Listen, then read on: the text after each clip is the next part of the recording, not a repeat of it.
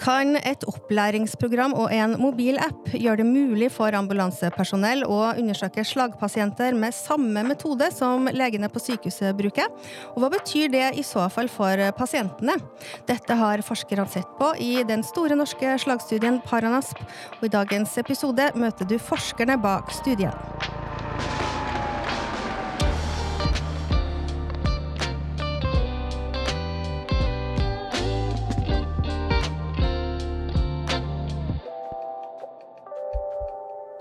Mitt navn er Vibeke Buan, og du hører på Akuttjournalen. Men før vi ønsker dagens gjester velkommen, husk at du kan abonnere på nyhetsbrevet vårt. Da får du faginformasjon rett i mailboksen din, og det er kjapt og enkelt å melde seg på. Klikk på linken du finner i episodebeskrivelsen, eller send en SMS med kodeordet 'fag' og mailadressen din til 09044. I dag skal det handle om hjerneslag, som er en akutt og tidskritisk sykdom. For at den som er syk skal overleve og få tilbake livet sånn som det var før slaget, er det avgjørende å få riktig diagnose og behandling så raskt som mulig. Samtidig er Norge et langstrakt land. Mange bor langt fra sykehuset, og tid er ofte en utfordring. I dag er vi på Oslo universitetssykehus. Her finner vi noen av Norges fremste forskere på hjerneslag. Maren Ranofov, du er nevrolog ved Oslo universitetssykehus, seniorforsker i stiftelsen Norsk Luftambulanse og prosjektleder for Paranasp-studien. Velkommen til oss. Tusen takk. Hvorfor er tid så viktig når vi snakker om hjerneslag? Det handler jo om hjernen som organ. hjernen er jo kontroll organet for hele kroppen. Og et hjerneslag, da er det blodforsyningen til hjernen som rammes. Og skal eh, dette kontrollorganet fungere, så må cellene i hjernen ha optimal tilgang på næringsstoffer. Og det er blodet som eh, gir disse næringsstoffene. Så når vi får enten en blodpropp eller en blødning i et av de sentrale blodårene som forsyner hjernen med næring, så vil jo hjernecellene umiddelbart eh, lide på grunn av det. Og da vil man eh, i beste fall få periodevis nedsatt funksjon. Men eh, hvis det ikke løser seg opp, eller at man får akutt behandling, og gjenetablerer den blodsirkulasjonen, så vil hjernecellene være truet og i, da kunne gå i celledød. Og hjerneceller som eh, ikke fungerer, det gir jo store konsekvenser hos pasientene. Det er litt avhengig av hvilket hjerneområde som er rammet, men eh, dette kan jo medføre varig tap av funksjon i form av eh, styring, kraft, syn, svimmelhetsutfordringer og personlighetsendringer. Det kan også gi alvorlige konsekvenser med bevissthetspåvirkning og i verste fall da død. Og symptomene kan være diffuse? Symptomene er jo eh, avhengig av hvilken del av hjernen som rammes. Da. Jeg er jo ikke så glad i det diffus-begrepet. Eh, jeg liker jo heller at vi snakker om uh, ulike typer symptomer og alvorlighetsgrad av symptomer. Og det at man kaller det diffuse symptomer, kommer nok av at uh, man ikke har vært like kjent med hvordan de forskjellige funksjonstapene i hjernen arter seg hos pasientene. Og det som ofte omtales som diffuse symptomer, det er jo da dette med svimmelhet, dette med redusert følelighet, at man får tap av sensibilitet eller følelighet i en kroppsdel. At man uh, har personlighetsendringer, uh, og også bevissthetspåvirkning. Um, men det som er viktig å presisere med slagsymptomer, det er at det, symptomene kommer fra det området som er skadet og truet pga. nedsatt blodtilførsel til dette området. Og da skal jo vi som helsepersonell vi skal ha nok kunnskap om hjernefunksjoner, sånn at vi kan gjenkjenne at akutte endringer hos pasientene, det kan være et hjerneslag.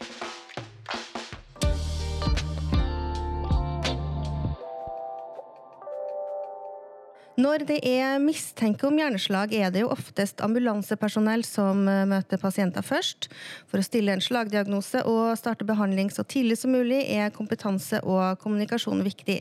Nå ønsker vi velkommen til Mona Guterud, ambulansearbeider, og Helge Fagerheim Bugge, LIS i nevrologi, begge stipendiater på Paranasp-studien.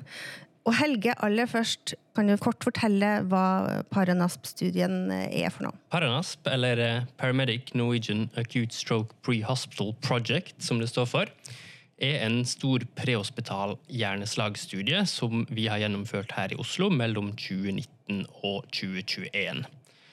Vi hadde som mål å øke den diagnostiske treffsikkerheten, altså at flere pasienter der ambulansepersonell mistenkte hadde hjerneslag, faktisk hadde hjerneslag. Um, og det skulle vi undersøke med å gjennomføre en trinnvis cluster-randomisert studie.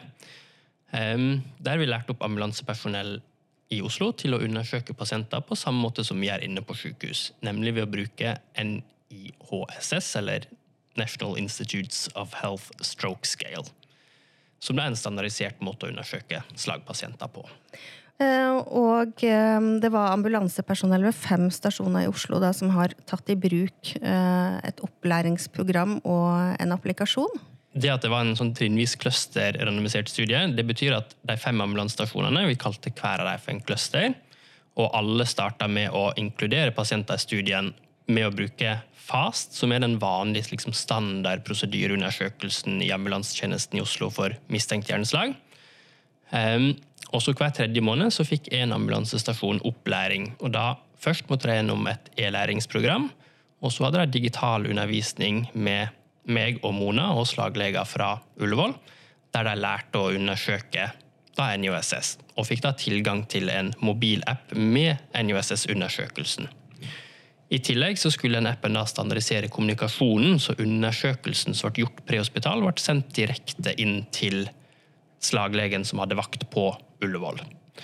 Um, og så gikk det da sånn at Hver tredje måned så fikk en ambulansestasjon opplæring, fram til da alle fem ambulansestasjonene var i det vi kalte intervensjonsgruppa og kunne bruke NIOSS i møte med slagpasientene. Mona, hvordan foregikk opplæringa av ambulansearbeiderne som deltok i studien? Det her var jo et veldig stort prosjekt. Og heldigvis så var det her et samarbeidsprosjekt mellom Oslo universitetssykehus, eh, prehospitalavdeling og slagavdelingen, og Stiftelsen Norsk Luftambulanse. Og vi trengte alle ressursene, fordi det var mange som skulle læres opp. Vi hadde 267 ambulansepersonell som ble opplært i å bruke NUSS i løpet av studien. Og som Helge var inne på, da, så var jo den tilgjengelig i en mobilapplikasjon som hadde NISS, hvor du fikk beslutningsstøtte til å score de ulike verdiene. Og du nevnte jo det her med kommunikasjonen. Så i tillegg så overførte jo da den prehospitale undersøkelsen Den gikk direkte fra appen ute og inn i slaglegen sin app. I høst ble altså resultatene fra studien publisert i Lancet Neurology. Hva er de viktigste funnene? Først og fremst så fikk vi inkludert 801 pasienter i studien. Det var 354 som fikk standard undersøkelse, dvs. Si med FAST. Og så var det 447 som ble undersøkt da med Paranas-modellen, dvs. Si NISS og den forbedra kommunikasjonen med slaglegen. Helge, du nevnte det at vi skulle prøve å få bedre treffsikkerhet ved at flere som var mistenkt prehospitalt med hjerneslag og skulle ende opp med en hjerneslagdiagnose, og det var det vi kaller hovedendepunktet i studien. Det fikk vi ikke helt til. Vi endte opp med det som heter et nøytralt hovedendepunkt. Dvs. Si at vi fant ikke noe forskjell på gruppene når det gjaldt den treffsikkerheten. En uh, viktig ting vi fant, derimot, det var at vi klarte å fange flere små slag. Fordi vi så at median NIS-verdi ved ankomst sykehus den var lavere i intervensjonsgruppa. Og det tolka vi som om at vi klarer å finne flere av de små slagene ute. Så så vi jo på tidsvariablene. Det er jo en viktig ting når vi innfører noe nytt. Og inne på sykehus så klarte vi å spare to minutter fra pasienten kom og til første CT var tatt. Ute så hadde vi litt lengre on scene-tid. Den var fem minutter lengre i intervensjonsgruppa. Så tenker vi at det kan ha litt ulike forklaringer. Det ene kan jo være at ved at det er flere små slag, så er det jo sånn at da tar ting generelt litt lengre tid. Små slag er ikke så rett fram med de klassiske symptomene. Det krever litt mer overveielse i alle ledd. Men kanskje viktigst av alt så fikk jo med en pandemi midt i den kliniske studien. Og det gjorde jo at tidsvariablene har jo blitt forkludra av andre ting som skjedde samtidig. OUS har jo funnet ut at alle oppdrag som da ble enten en kode haster eller kode akutt, så var det fem minutter lenger on sin tid. Helt uavhengig av type oppdrag. Så det er fem minutter lenger med tida vi brukte da, på hjerneslag òg. Det er jo vanskelig å si da om det var det samme som andre oppdrag. At det var pga. pandemien. Vi visste jo at vi måtte bruke litt lengre tid på å skrine pasientene. Vi brukte litt lengre tid på å ha på smitteutstyr. I tillegg så tror vi jo at vi kanskje sparte enda mer tid inne enn det vi har klart å vise. Fordi at det tok lengre tid med smittetiltak inne òg. Så pandemien den ødela en del for i hvert fall tidsvariablene. Men du nevnte da små slag. Hvorfor er det viktig å fange opp også de små slagene? De små slagene har jo òg behov for akuttbehandling. Og eh, Maren nevnte jo innledningsvis at du har andre symptomer som òg kan være ganske viktige for at du skal ha en god livskvalitet etterpå. Og ved å komme tidsnok inn til akuttbehandling med litt andre symptomer enn det klassiske, så vil du òg få da muligheten til akuttbehandling. Og kan kanskje til og med hindre at du får nye, større slag senere. Dette er jo pasienter som typisk før ikke har blitt fanga opp ute. Um, kanskje vi har merka at det er et eller annet med pasienten, men vi har ikke klart å sette helt ord på det, sette fingeren på hva som er problemet, og så har de blitt kjørt på legevakt i stedet. Og da går tida veldig fort. Så hvis det i det hele tatt kommer inn til akuttbehandling, i det hele tatt, så er det i hvert fall veldig forsinka. Helge, du har jo som lege inn på sykehuset stått og tatt imot eh, slagpasienter på eh, slagavdelinga. Eh, to minutter, det høres kanskje ikke så mye ut, men det er jo gevinster her, hvis jeg har forstått det riktig, utover det med tid, da, når du får inn pasienter som har gjennomgått NUSS allerede i ambulansen? Absolutt. Og først vil jeg si at to minutter det, Vi sparte også to minutter på de pasientene som kom innenfor det vi kaller trombolysevinduet, og ble tatt imot med et trombolysemottak der det skal gå fortest mulig til behandling. Um, og når du da bruker to minutter mindre på noe som du ønsker skal ta kanskje rundt et kvarter, så er det ganske godt gjort å spare inn den tida. Og det her er jo noe vi trener mye på inne på sykehus for at det skal gå fort. Så det at vi klarer å innføre noe i ambulansen som faktisk sparer tid inne på sykehus, det er vi jo veldig, veldig fornøyd med. Um, andre ting som på en måte er en fordel for oss å jobbe inne på sykehus, er jo at vi får den SMS-en fra ambulansearbeiderne. Der du får en visualisering av symptomer til pasienten. Du får se akkurat hva som feiler han, og vi kommuniserer med samme språk. Så når de ringer inn for å diskutere en pasient, så vet jeg hva de mener, de vet hva jeg mener, og vi, på en måte, vi har en felles forståelse for hva som feiler den pasienten her. Og det tror jeg både gjør at vi kan spare tid når vi diskuterer, men òg at vi kan ta bedre avgjørelser på vegne av pasientene våre. Når eh, vi er ute hos pasienten, så har vi jo egentlig ett ønske, og det er å gjøre det beste for den pasienten. Og eh, det har vært ganske fortvilende før å stå og ha følelsen av at det er noe som skjer med pasienten, som du mangler språket og verktøyet for å finne ut av og beskrive videre til slaglegen. Så det har vært en stor endring når du plutselig da har det verktøyet, og den kommunikasjonen med slaglegen plutselig går raskere. For det har i hvert fall vært min opplevelse av det. Og tanken da på at vi har spart tid i det totale forløpet, sjøl om da vi skulle eventuelt ha brukt litt lengre tid på hentestedet, så tror vi at vi sparer tid totalt sett uansett. Mona, du har jobba i ambulansetjenesten siden 2005. Du har jo sagt at for ambulansetjenesten var kompetanseløftet med Paranasp etterlengta. Kan du utdype det? Jeg tror det handla om at FAST-undersøkelsen har for alle vært så åpenbar, enkel og mangelfull at det har vært et ønske fra ambulansepersonellet sjøl om at vi må gjøre noe mer. Vi må gjøre noe som er bedre for å få undersøkt pasienten.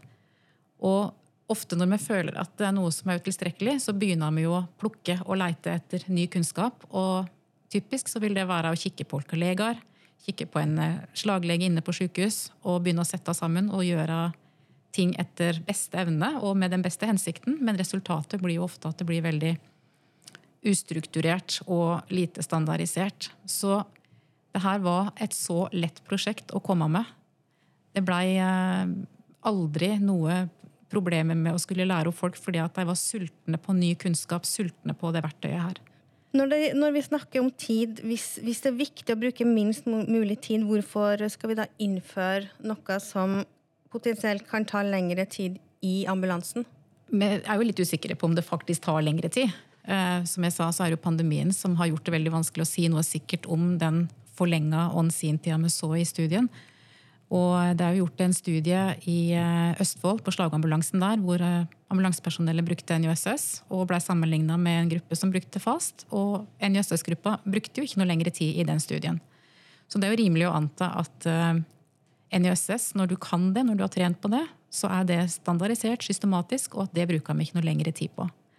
Og i hvert fall da, som jeg nevnte i stad, med spara tid i det totale forløpet for pasienten. Men så har du jo de klassiske symptomene hvor vi i ambulansen tror jeg har en ryggmargsrefleks om at vi ønsker å ha det vi kaller en load and go-tilnærming. Hvor vi da bare vil få pasienten raskt av gårde og starte transport. Og det er jo heller ikke de pasientene som har kommet for seint til behandling tidligere. De er jo eh, så kall det lette å oppdage. Det er jo mer de andre symptomene. De er litt mer symptomfattige slaga. De er litt eh, mindre klassiske. Og der tenker jo med at ved å bruke da, kanskje to minutter lengre tid, hvis det er det det er snakk om, vil uansett spare tid i forløpet for den pasienten, istedenfor å måtte gå via legevakten. Mm.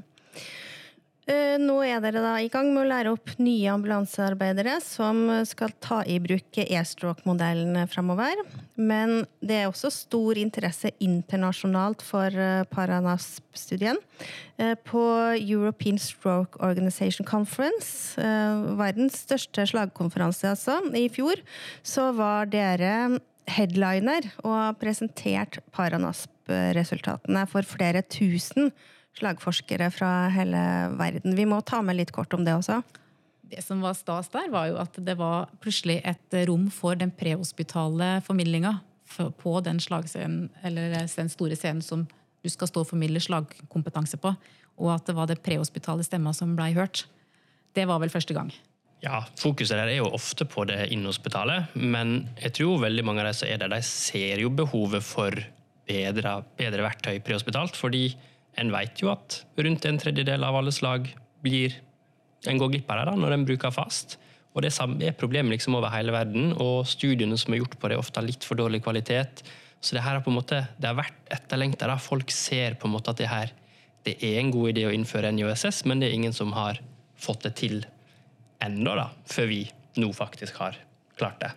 Så det var veldig sånn ja, god stemning, og folk var veldig interessert i å høre om det her, og syns det er det er bra at vi kan få et kompetanseløft prehospitalt som da hjelper både oss inne på sykehus og pasientene.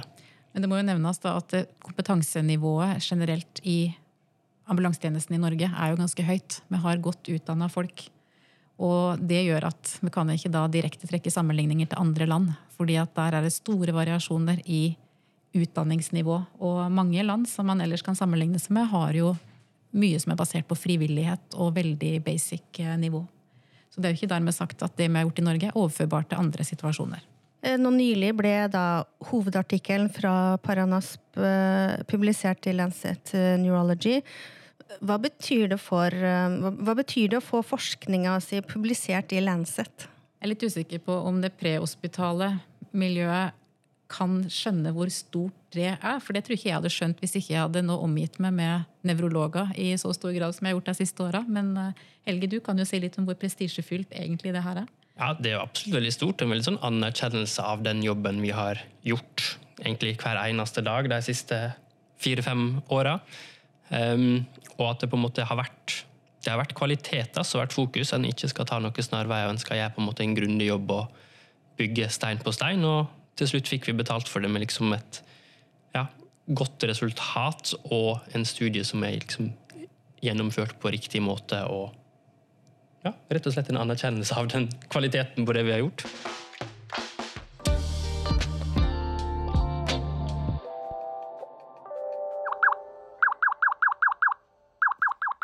Det du hører her, er et eksempel på oppkall fra AMK, eh, og som ambulansepersonell håndterer som mistanke om hjerneslag. Rune Trøftmoen, du er ambulansearbeider ved Oslo universitetssykehus. Og du er en av de 267 ambulansearbeiderne som har vært med på Paranasp-studien. Aller først, Hvor ofte har dere pasienter i ambulansen hvor det er mistanke om hjerneslag? Eh, pasienter som man mistenker en cerebral hendelse på, som vi ofte kaller det, det er jo daglig i ambulansetjenesten. Mm. Og Hva slags læringsutbytte vil du si at du har hatt av å, å ta i bruk NUSS prehospitalt?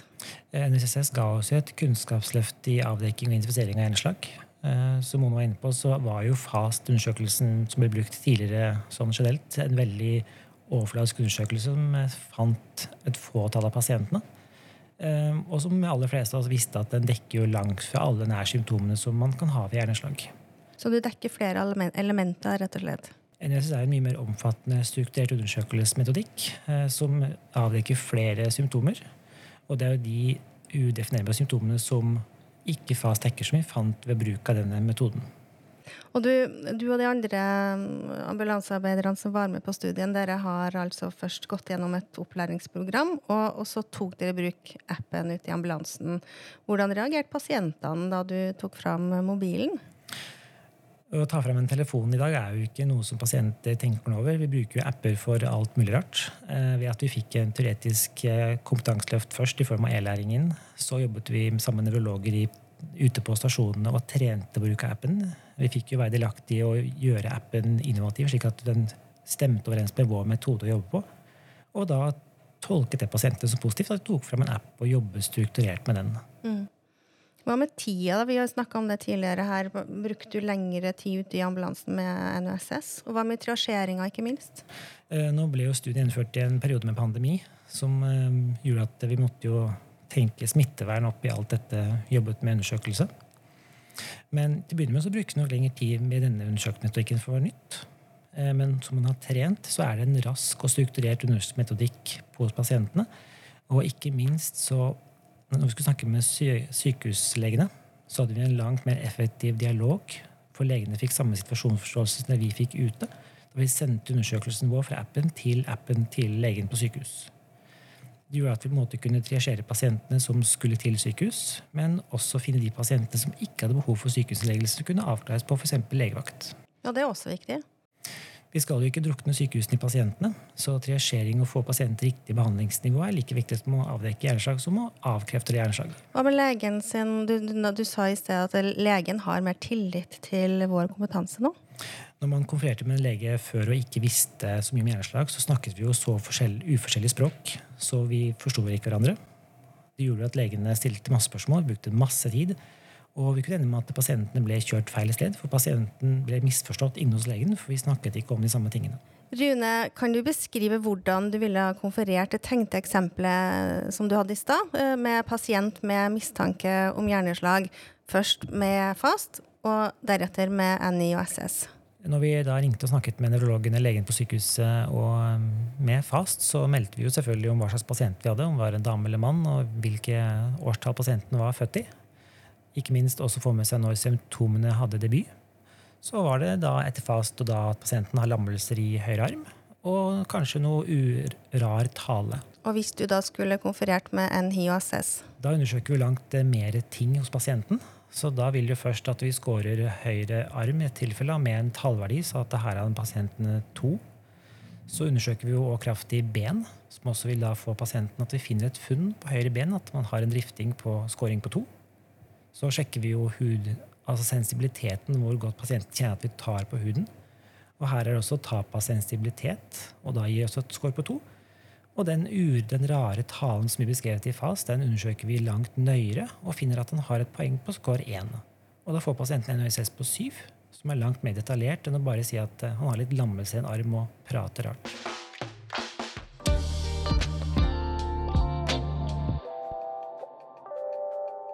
Maren, vanligvis eh, går det lang tid fra forskning til nye løsninger implementeres i helsetjenesten, men her har e-stroke-modellen allerede blitt tatt i bruk. Si litt om det. Jeg tenker at det sier mye om behovet for eh, kompetanse innenfor eh, akutt nevrologi i ambulansetjenesten i Norge, og ønske om det, ikke minst. Eh, og det er jo noe vi har jobbet for i mange år i vår forskningsgruppe. Dette ønsket som kommer fra det prehospitale personellet om å få bedre verktøy i møte med pasienter med akutt nevrologiske symptomer. Jeg tror det kommer av eh, hvor mange pasienter dette gjelder, men også hvor krevende det er å møte pasienter med nevrologiske symptomer. Og så den siste tidens da enorme utvikling innenfor mulighetene for diagnostikk og behandling. Og e-stroke-konseptet har vi utviklet eh, som et Eh, helhetlig kompetanseløft. Og da er jo målet at vi skal eh, kunne nå ut til hele Ambulanse-Norge med opplæring. Og den opplæringen har vi gjennom mange år og gjennom forskningsprosjektet eh, Par Paranasp utviklet for at det skal være tilpasset det ambulansearbeideren har behov for i sin hverdag. Jeg tror tidligere kompetansetilbud til ambulansetjenesten har vært eh, man har tatt litt fra sykepleiebøkene, litt fra legeundervisning, og så har man skramlet noe sammen. Men uh, i e-stroke-konseptet så får man altså et kompetanseløft som er utviklet for ambulansepersonell. Og flere helseforetak har tatt det gradvis i bruk, og flere står for tur. Ja, det er en veldig privilegert situasjon å være i, og at det, dette er så ønsket uh, som det er. Og vi startet jo ut med et pilotsamarbeid med Nordlandssykehuset. Um, videre så har uh, vi uh, hatt et uh, forskningsprosjekt i samarbeid med Vestre Viken. Og der er deler av tjenesten allerede i gang med å bruke e-stroke, og ambisjoner om at hele Vestre Viken skal læres opp og, og ta dette i bruk i løpet av nærmeste tid. Og så er det flere helseforetak nå som, eh, som, planlegger for eh, innføring. Sykehuset Innlandet skal vi gjøre et veldig spennende videre forskningsprosjekt sammen med. Eh, hvor vi også skal gå dypere inn i disse svimlepasientene. Og se om vi kan utvikle verktøy spesielt egnet for prehospital gjenkjennelse av de Um, så det er en uh, veldig spennende tid vi er i, og det er jo utrolig morsomt for oss som forskere å kunne få lov til å gå rett fra artikkelskriving til uh, det vi egentlig forsker for, nettopp å nå ut med dette, denne kunnskapen til de som møter pasientene hver eneste dag. Du har lytta til en fagpodkast fra Stiftelsen Norsk Luftambulanse. Vi har snakka med Mona Guterud, Helge Fagerheim Bugge, Maren Ranhoff Hov og Rune Trøftemoen om hjerneslag og den store slagstudien Paranasp. Har du tips til oss om temaer du tenker kan være aktuelle å ta opp? Da sender du noen ord til akuttjournalen alfakrøll norskluftambulanse.no. Ansvarlig redaktør for denne podkasten er Hans Morten Lossius.